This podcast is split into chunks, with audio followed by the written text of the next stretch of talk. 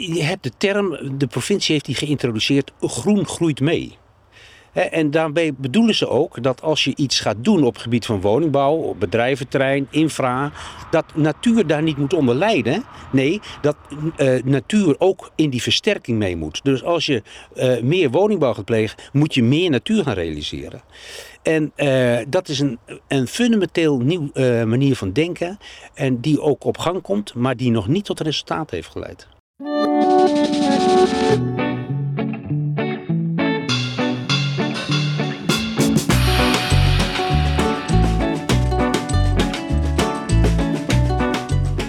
Gaat niet goed met het milieu. Ik ben benieuwd wat ik kan doen om Zeist, Nederland en de aarde leefbaar te houden. Mijn naam is Daan Warnas. Ik ben een 25-jarige starter en ben nooit bewust bezig geweest met duurzaamheid. Tot nu. Ik neem je mee op mijn zoektocht in Daan zoekt duurzaam.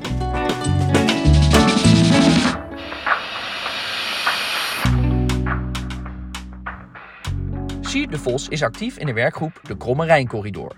Ik weet waar de Kromme Rijn loopt, maar verder heb ik voor onze ontmoeting vooral veel vragen aan Siert.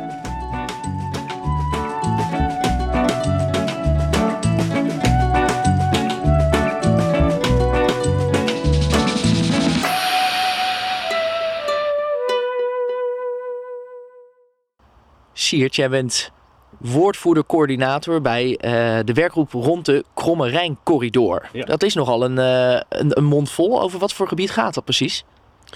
Nou, een best groot uh, gebied tussen Zeist, de Beeld, Utrecht, Bunnik en de Utrechtse Heuvelrug. Eigenlijk het boerengebied van oudsher.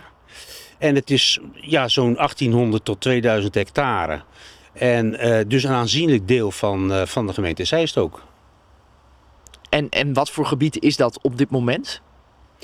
Ja, het is een beetje een, een gemengd gebied. Uh, er zijn landgoederen, uh, die zijn heel belangrijk. Die zijn ook allemaal een monument. Uh, er zijn natuurlijk van de boerderijen, er zijn nogal wat veehouderijen, hoewel het aantal is al behoorlijk geslonken. En enkele varkens houden nog. En dus het gebied is eigenlijk behoorlijk gemixt. En uh, wij zien als werkgroep, al jaren trouwens, want we, we, zijn er al jaren mee bezig, dat dat gewoon een nieuwe toekomst tegemoet gaat. En daar willen we graag over meedenken. Nou ja, ik kom hier dan uh, als leek net aanrijden op het terrein. Dit is natuurlijk je huis of je achtertuin. Ehm, ik denk, nou, een mooi groot groen gebied. waarom zou je dan een werkgroep oprichten om nog meer met het gebied te doen? Ja, dat raakt een beetje de discussie die je al de hele dag eh, op de televisie hoort over uh, de transitie uh, van, van de landbouw.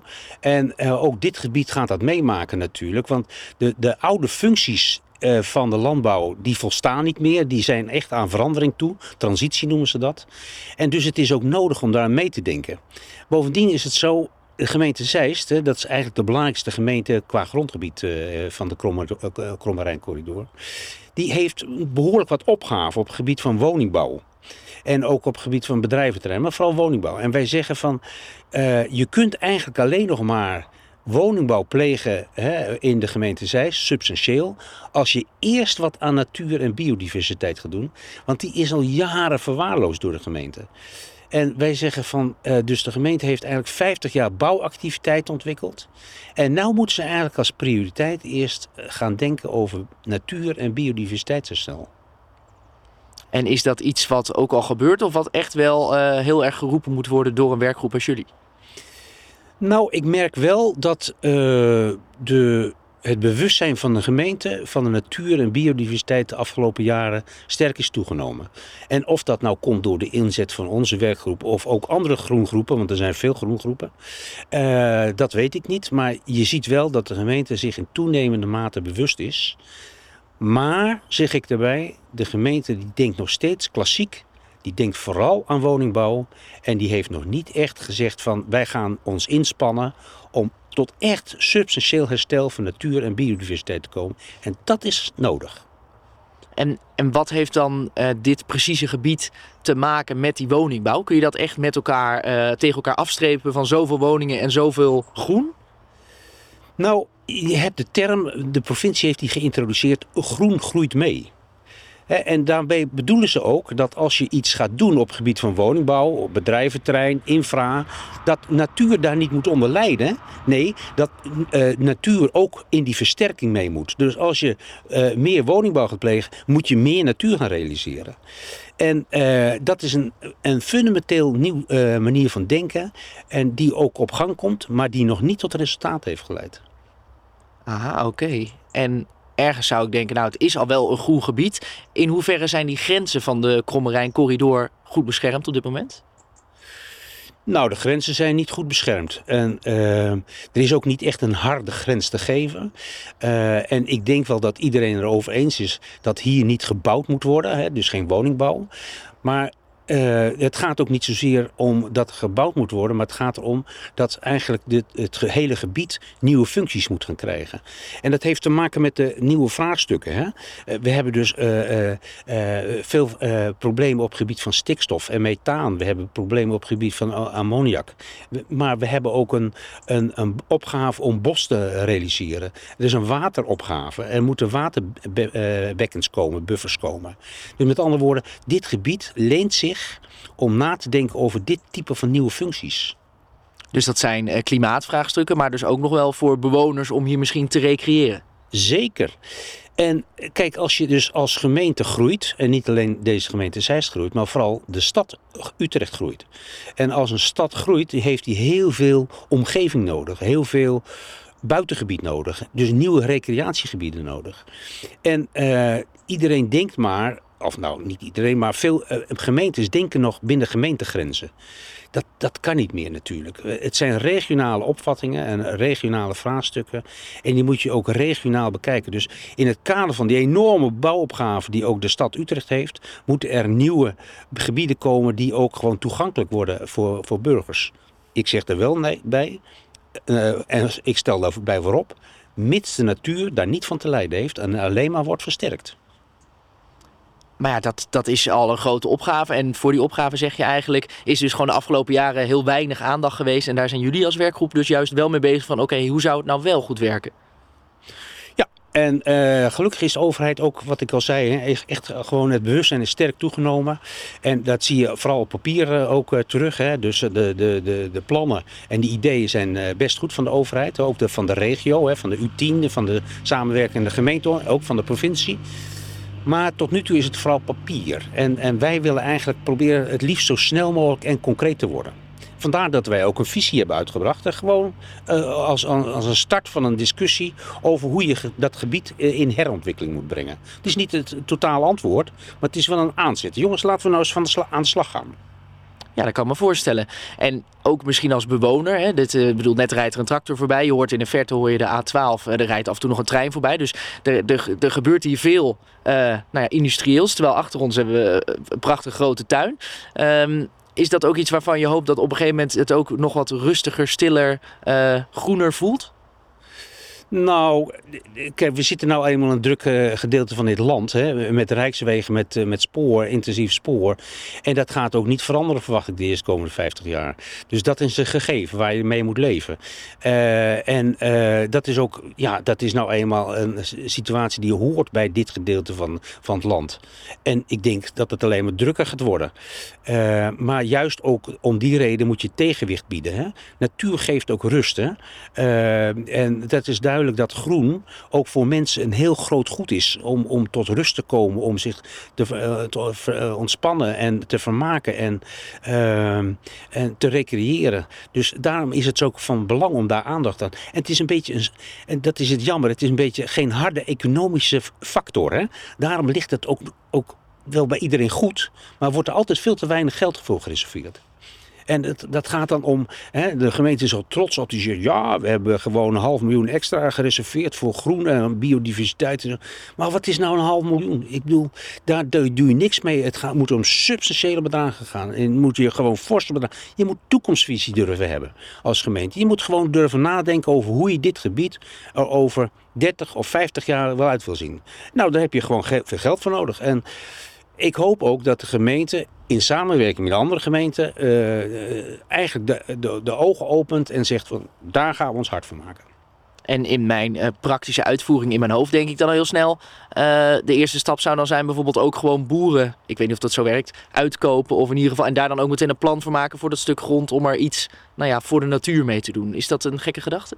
Nee, helemaal niet. Dat is natuurlijk gewoon ook waar uh, vooral het Rijk mee bezig is. Minister Van der Wal en minister Adema en zo.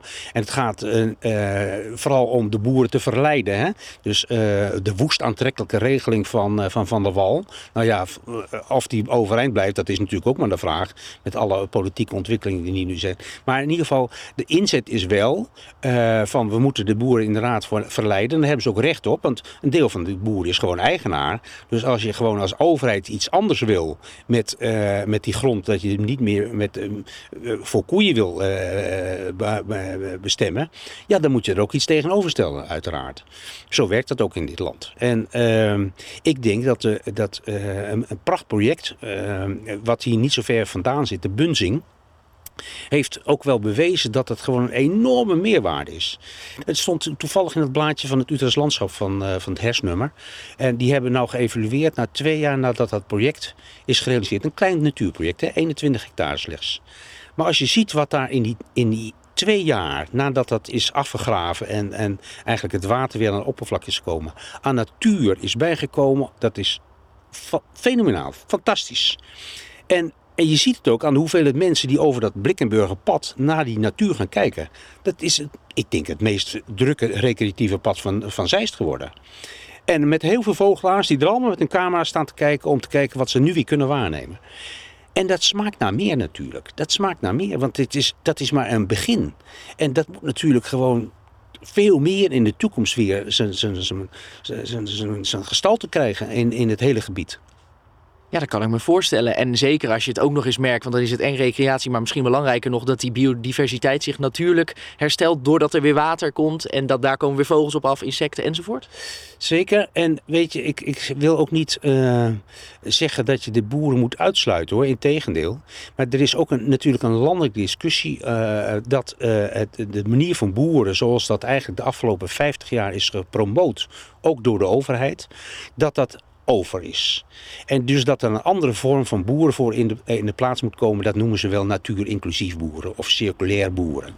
En eh, dus dat betekent dat er gewoon uh, op een, dat er met andere methodes moet worden gewerkt. En ook misschien wel andere producten moeten worden geleverd. En ehm, dat alles om ook het klimaat en de klimaatdoelstellingen te halen. En dat is, dat is ook een enorme opgave. En uh, uh, heel veel mensen die zeggen, ja, maar dat is belachelijk. hè. Zo'n zo'n BBB is, is natuurlijk, heeft zijn, of ook zijn, zijn opkomst of zijn, zijn, zijn resultaat in de Eerste Kamerverkiezing te danken. Dat mensen het ook echt als een, als een bedreiging zien. Heel veel mensen voelen zich in een bestaan bedreigd. En dat snap ik. En toch zeg ik, het is niet nodig uh, uh, dat mensen zich bedreigd voelen. Want het is vooral een kans. En het gaat gebeuren. Het, uh, die verandering, die transitie waar ik in het begin over had, die gaat gebeuren. Um, en ik hoop dat dat voor iedereen ook goed gaat uitpakken. En ik denk dat dat kan. Dus als iedereen gewoon daaraan mee gaat werken, als iedereen het eerder ziet als een kans dan als een bedreiging, dan, dan, dan kan het ook gewoon gaan lopen. En dus daar hoop ik ook op. Ja. Ja, maar het is ook een, een complex iets, echt iets politieks. Want het zit landelijk, het zit nou, in de provincie, hebben we al gehoord. Uh, het gaat over verschillende gemeenten. Dan gaat het natuurlijk over nou ja, losse personen, dus of boeren, maar ook de, de bewoners. Er zijn natuurlijk heel veel uh, losse partijen en het is iets waar geld voor nodig is. Is dat dan niet echt iets waarvan je denkt, nou, als we over tien jaar een groot verschil merken, dan is het al mooi? Uh, of ben je hoopvol dat het ook sneller en nou ja, misschien wat innovatiever kan? Nou, dat hoop ik natuurlijk wel. Maar ik ben bang dat ik het resultaat niet mee ga maken. Dat het zo lang gaat duren. En dat is ook uh, kijk, uh, een grote, het is een grote verandering. Het is eigenlijk, het is, we hebben vanaf de eind 19e eeuw op een bepaalde manier ga, zijn we gaan boeren. En dus dat ga je ook niet binnen tien jaar veranderen. En uh, daar is veel tijd voor nodig. En, en uh, dit zijn grote processen die ook echt op allerlei vlakken invloed hebben. Dus met andere voordat je dat schip hebt gedraaid en voordat het echt opnieuw koers is, dat gaat jaren overheen. Maar tegelijkertijd kun je wel gebruik maken van kansen die zich voordoen. Want er zijn natuurlijk best stoppende boeren. Dat is de afgelopen 20 jaar al geweest. Zij had in 2002, meen ik nog, 22 uh, boeren, veeboeren. En dat zijn er nu acht nog. Dus met andere woorden, dat gaat op een natuurlijke uh, manier ook. En als je als overheid zegt, ja, maar wij willen actiever worden, dan moet je daar geld tegenover stellen. En daar moet je daar ook gewoon actief in worden. Dat gaat ook wel gebeuren, denk ik hoor. En, en dat, dat brengt me op de provincie, want de provincie is vooral uh, de, de instantie die de regie heeft, hè? Uh, in, in, in deze provincie althans. En uh, die heeft net voor de zomer ook een programma ingediend bij het Rijk, wat ze heeft, heeft aangeboden en wat 3,5 miljard gaat kosten. En, en de provincie heeft gevraagd aan, aan het Rijk, geef ons die middelen zodat wij dat programma kunnen gaan realiseren. Dat is een zeer ambitieus programma over, over heel Utrecht natuurlijk, heel de provincie. En dat, dat, ja, als dat wordt gerealiseerd, dan gaat jaar overheen. Maar dan krijg je een heel andere nieuwe invulling natuurlijk ook van, uh, ja, van het landelijk gebied zoals het nu is. Zoals we het nu kennen. En... Uh, ja, dat, dat is een grote ruimtelijke ingreep. Die, die denk ik ook wel inderdaad uh, gewoon 10, 20 jaar gaat duren. En nou ligt hier, zie je het ook al de hele tijd van alles op tafel. Dat zal hier ook niet altijd zo liggen, denk ik, hè? Nee, ik heb dat natuurlijk even bewust uh, uitgezocht. Uh, en een selectie overigens hoor. Uh, wat ik in het begin al zei van... eigenlijk ben ik ooit begonnen 50 jaar geleden met het rapport van de grens aan de groei. Dat heb ik ook nog ergens liggen trouwens. Ehm, en ik hou ervan om juist ook dingen erover te lezen. Om daarin te verdiepen. En ook daarmee ook een bredere scope en context te, te krijgen. Nou ja, in 2002 ben ik hier komen wonen. En toen ben ik ook heel actief gaan bezighouden met het gebied zelf. Hè. Daarvoor, ik ben Zeisteraar, dus ik ken het gebied sowieso. Ik heb hier vroeger Bramen gezocht zelfs. Maar uh, ik ken het gebied, maar toen ben ik echt meer uh, gaan verdiepen. Nou ja, een van de onderste uh, boeken is dus de tuin, de tuin van, van Zeist en Utrecht. Dat is een boek wat eigenlijk in het kader van het landinrichtingsplan is verschenen. En die eigenlijk al visioenen heeft over hoe het gebied een functie kan vervullen op het gebied van natuur en recreatie. Daarmee is het begonnen. de, de, de, groene driehoek, dat is een term die de afgelopen jaren vaker naar voren kwam. Maar dat is een, boek, dat is een brochure van de gemeente Zij samen met Utrechts Landschap uit 1998. Waarbij ze eigenlijk gewoon een ambitie hadden om dit gebied te koesteren. Om als een groene uh, corridor, uh, als onderdeel van grotere natuurgebieden. Utrechtse Heuvelrug, Langbroek, Wetering en uh, verderop de Vechtvlassengebied. Om dat gebied die verbindingsfunctie te geven. Er zijn zelfs viaducten voor aangelegd. Om de, de dieren de mogelijkheid te bieden om gewoon op die manier te migreren. En tegelijkertijd zie je, eigenlijk is die natuur juist, in plaats van dat die verbeterd is, die is eigenlijk helemaal achteruit te gaan in die tijd. Terwijl dit is een boekje dus van 25 jaar oud. Het ziet er ook leuk uit. Er staat nog op dat hij 9 gulden 95 was bijvoorbeeld. Nou, dit, dit is, uh, en, en die term de groene driehoek, wat is nou het verschil even tussendoor tussen de groene driehoek en uh, de Kromme corridor?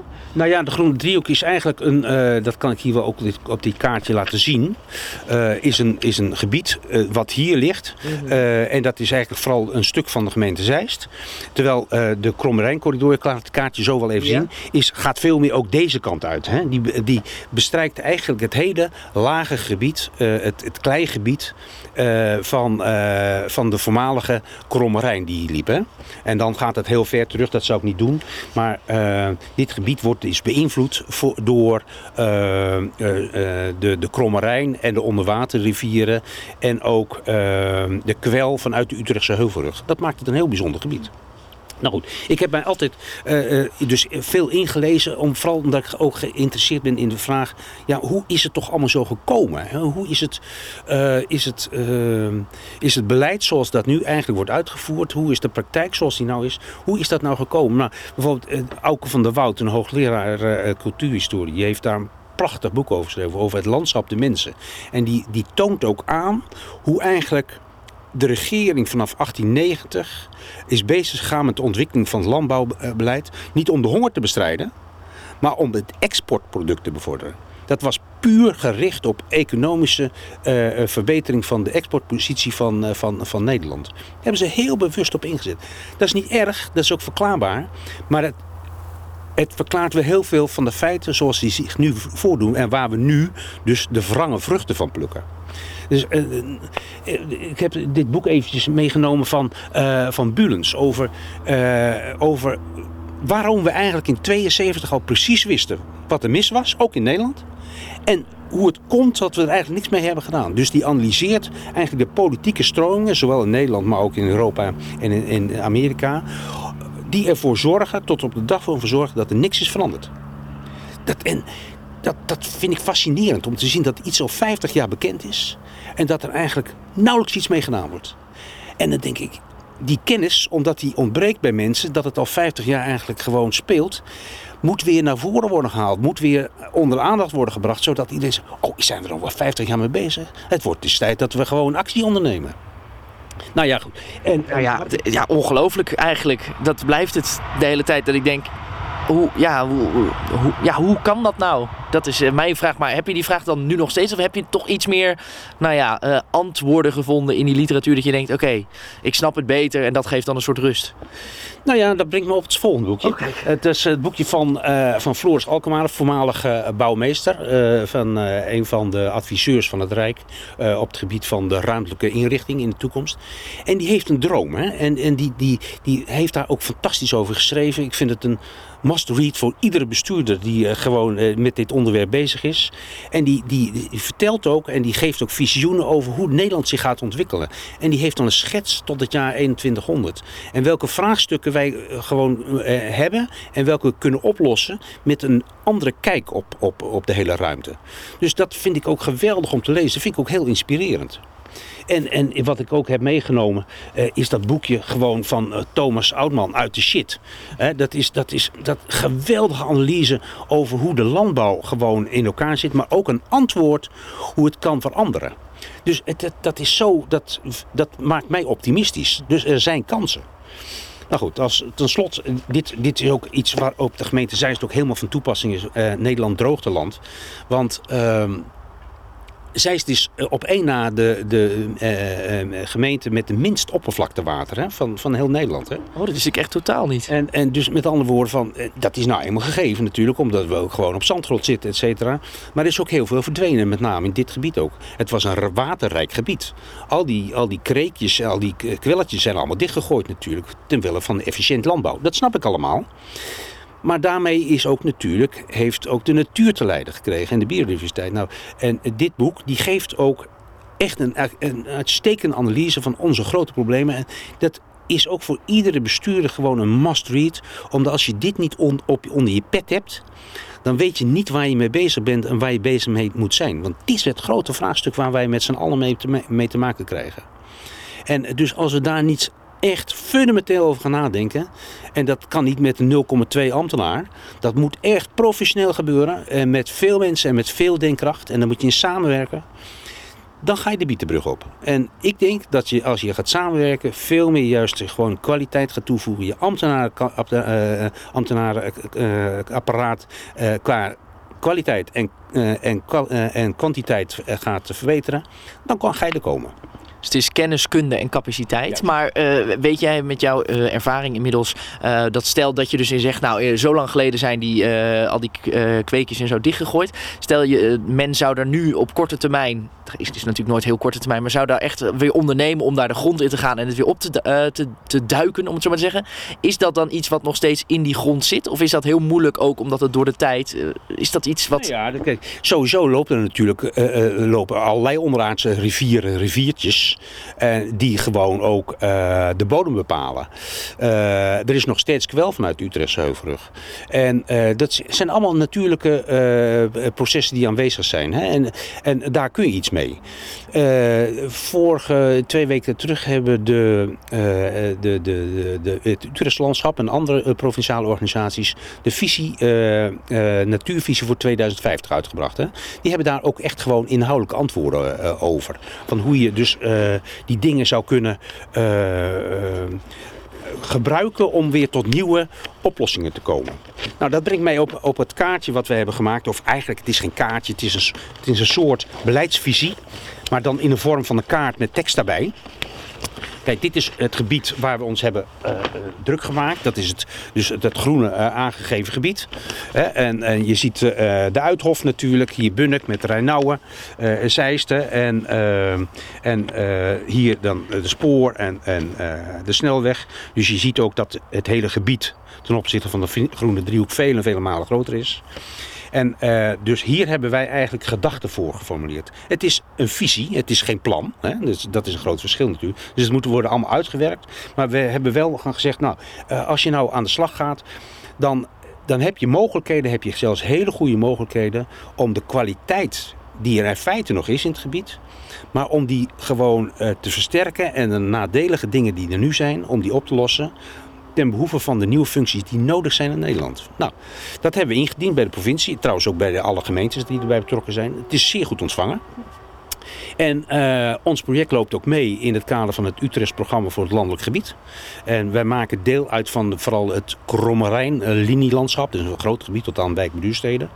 Maar daar lopen wij mee. En dus wij hopen, ja, ondanks dat er nou tijdelijk in passie is door natuurlijk de kabinetsveranderingen. Uh, dat wij toch hier wel resultaten in gaan boeken. En met name denk ik dat ehm, ja, het is allemaal een beetje onder de pet op dit moment. Maar er wordt wel gewerkt. En er wordt wel nagedacht over hoe je dat programma zou kunnen invullen. Dus ik hoop ook dat wij daar ook een, een, bijdrage kunnen krijgen. En, en we kregen nou net al een uitnodiging van de nieuwe gedeputeerde, althans de gedeputeerde Mirjam Sterk, die nou voor de tweede keer uh, dit onderwerp in portefeuille heeft, uitnodigen om te reageren op het eerste programma wat ze hebben ingediend. Dus daar gaan we nou mee aan de slag natuurlijk. En wat wij ook hopen, is dat we een impuls kunnen geven aan het hele gebied door ook uh, partijen uh, te verleiden om geld beschikbaar te stellen, een fonds te gaan vormen, zodat we ook echt daadwerkelijk aan de slag kunnen. En er zijn echt veel kansen. Dus wat mij betreft zo concreet mogelijk en zo snel mogelijk ik ben ook wel bezorgd hoor, dat wil ik er ook direct bij zeggen. Uh, maar ik denk ook in kansen. En uh, die bezorgdheid, die, eh, die, uh, die heb ik eigenlijk. nou ja, dat klinkt misschien gek, maar al toen ik 18 was. En toen kwam het Club van Roma, het rapport van Grens aan de Groei van de Club van Roma uit. En dat heeft op mij op die leeftijd wel veel indruk, indruk gemaakt. We zijn 50 jaar verder. En eigenlijk is het alleen maar slechter geworden. Ik woon hier uh, de afgelopen twintig jaar met plezier. Maar tegelijkertijd zie ik hoe de natuur die afgelopen twintig jaar, alleen al de afgelopen twintig jaar, enorm is achteruit gaan. Er is geen, geen egel meer te bekennen. Er is geen haas die meer rondloopt. Er is geen kieviet, geen patrijs, geen uil die meer roept. het is eigenlijk allemaal verdwenen. En het, het uh, mooie voor mij misschien, maar het, het grote naal is... ik kan s'avonds uh, gewoon in de zomer in korte broek buiten zitten... zonder dat ik me lekker word gestoken. Wat ik twintig jaar geleden, dat moest ik, kan ik niet permitteren. Er is geen, zelfs geen mug meer te bekennen. En, en dus met andere woorden, het is ook wel dramatisch slecht. Dus in die zin ben ik ook echt bezorgd. Ja. Maar tegelijkertijd zeg ik, er zijn enorme kansen. En als Nederland die draai weet te maken, als de lokale overheden lokaal uh, die draai weten te maken, dan hebben we mogelijkheden. En dat kun je dus zien aan de Bunzing. Heel klein eh, gebiedje, wat is omgezet. In binnen twee jaar zie je fantastische natuur. Dus dat is optimisme, maar tegelijkertijd wel noem je hele beeldende voorbeelden waarvan ik denk, zo ja, dat is echt een verschil als je het hebt nou ja, zien verdwijnen of weet waar je het mee kunt vergelijken door de jaren heen. Um, en in hoeverre zijn nou, nou ja, dit soort plannen of langetermijn uh, visies hè, voor beleid en uh, uh, lokale overheden, zeg maar, zoals de gemeente Zeist, nou afhankelijk van een politieke koers? Want is het niet zo dat als er dan weer nieuwe verkiezingen zijn en dan gaan de groene partijen weer net iets erop achteruit en dan komt net weer een, nou je noemde net bijvoorbeeld BBB. In hoeverre ehm, gaat dat dan zo'n koers weer doen opschudden? Nou, dat is het gevaar. En uh, je, hoort dus eigenlijk gewoon, uh, of het, zou het beste zo zijn als er iemand zou zijn die ze opstaan en die echt zegt: jongens, ik overtuig jullie en dit is de, de stip op de horizon die we met elkaar zetten en daar gaan we naartoe.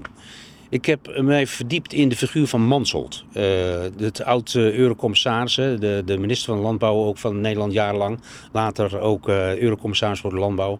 Die eigenlijk de oorzaak is van dat de landbouw zich heel ontwikkelt zoals het nu ook in Nederland zich voordoet. Maar het gek is, toen in 1972 uh, dat rapport, of het conceptrapport van de Club van Rome lag, las in, in, in, in, uh, in Sardinië, overigens. En uh, toen, toen schrok hij zich te pletter, omdat hij zag wat de effecten van het hele economisch beleid waaronder landbouw uh, was. En hij heeft toen een beroemde brief uh, geschreven aan de toenmalige president uh, van de EEG. En die heeft ook gezegd, maar we moeten totaal en totaal radicaal andere koers gaan varen op talloze terreinen. Maar onder andere op zijn terrein van de landbouw. En... Ehm, dat is nooit gebeurd. En ik vind dat je zo'n inspirerend figuur nodig hebt, die ook partijen overtuigt en die mensen ook meeneemt om te zorgen dat dat idee inderdaad door iedereen wordt gedragen. En ehm, kijk, het is ook zo als je één keer wat voorbeelden kunt laten zien hoe het werkt. Dan krijg je vaak de mensen wel mee. Dan krijg je partijen wel mee. Je moet het ook laten zien hoe het werkt en hoe het ook economisch interessant is. Maar het, het vergt een andere manier van denken en dat kost tijd. En zeker in Nederland. Ja, want het is zo dat je kan zeggen iedereen is voor groen. Maar het, er komt natuurlijk veel meer bij kijken. Want het is, zoals je eerder zei, commercieel niet direct voor een bedrijf of wat dan ook één op één van belang om te zeggen, nou wij gaan iets met deze uh, groenstrook doen, want dat levert ons direct iets op. Het, zijn altijd, het gaat, zit veel meer in gedrag en uiteindelijk langer termijn. Ja, en, en dat, ik, wil niet te, te veel op die, die, die grote algemene discussie van klimaatontwikkeling doorgaan. Maar eigenlijk komt erop neer hè, dat wij uh, afscheid gaan nemen van uh, de fossiele economie zoals we die eigenlijk sinds 1830, 1840 wereldwijd uh, aan het uitvoeren zijn. Daar moeten we van afscheid nemen. En dat is natuurlijk een manier uh, ingrijpend voor, voor alles. En uh, niet alleen voor onze manier van produceren, maar ook voor onze manier van consumeren. Maar ook voor, over onze manier van denken. Nog sterker, er is een discussie, uh, ook zelfs die, die ik met belangstelling volg over wat de plaats van de mens is in het geheel. He, zelfs, uh, je, je, merkt ook, wij, komen natuurlijk uit een, een christelijke cultuur, hè, een joods-christelijke cultuur al 2000 jaar. Waarbij de mens eigenlijk boven alles staat. En alles is, staat ten dienste van de mens. Je ziet dat die manier van denken op dit moment erg uh, tegen het licht wordt gehouden. Waar, waarbij een toenemend aantal filosofen, maar ook gewone burgers zeggen van... is dat nou wel zo?